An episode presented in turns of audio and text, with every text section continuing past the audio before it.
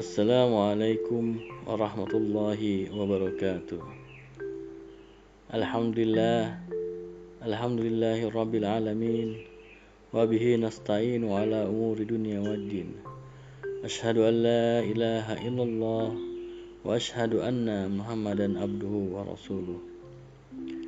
Pertama-tama dan yang utama Mari kita sama-sama memanjatkan puji dan syukur kehadirat Allah Subhanahu wa taala.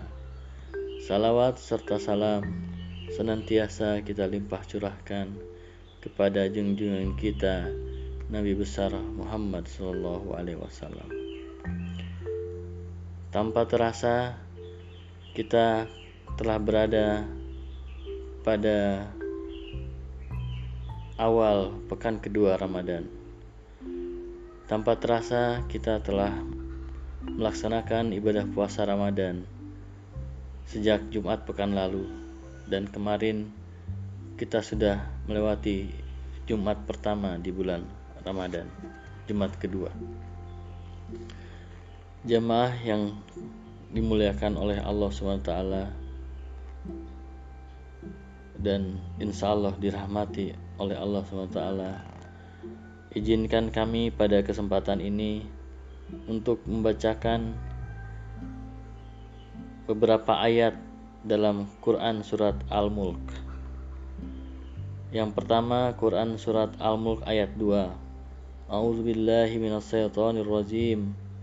Alladzi khalaqal mauta wal hayata liyabluwakum ayyukum ahsanu amala wa huwal adzizul ghafur. Yang artinya yang menciptakan mati dan hidup untuk menguji kamu. Siapa di antara kamu yang lebih baik amalnya? Dan Dia Maha Perkasa, Maha Pengampun. Dalam ayat tersebut, kita bisa melihat bahwa setiap Muslim harus berusaha melakukan amal yang terbaik, bukan terbanyak.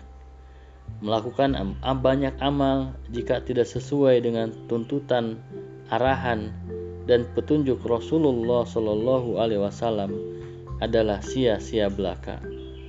Setiap Muslim harus memahami bahwa amalan itu tidak akan diakui kecuali dengan adanya niat. Jadi tolak ukur amal perbuatan itu tergantung pada niat.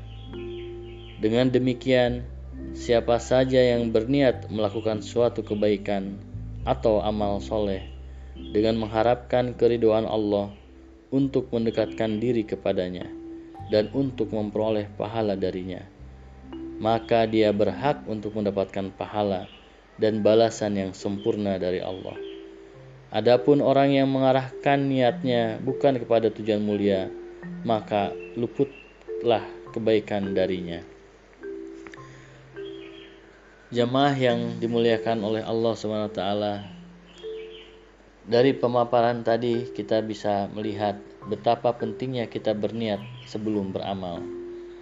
Untuk itu, di bulan Ramadan yang penuh berkah ini, mari kita luruskan niat kita untuk melaksanakan berbagai amalan yang bernilai ibadah, bernilai pahala, sehingga kita mendapatkan berkah nyata dari Ramadan yang kita jalani ini termasuk meniatkan untuk bersedekah.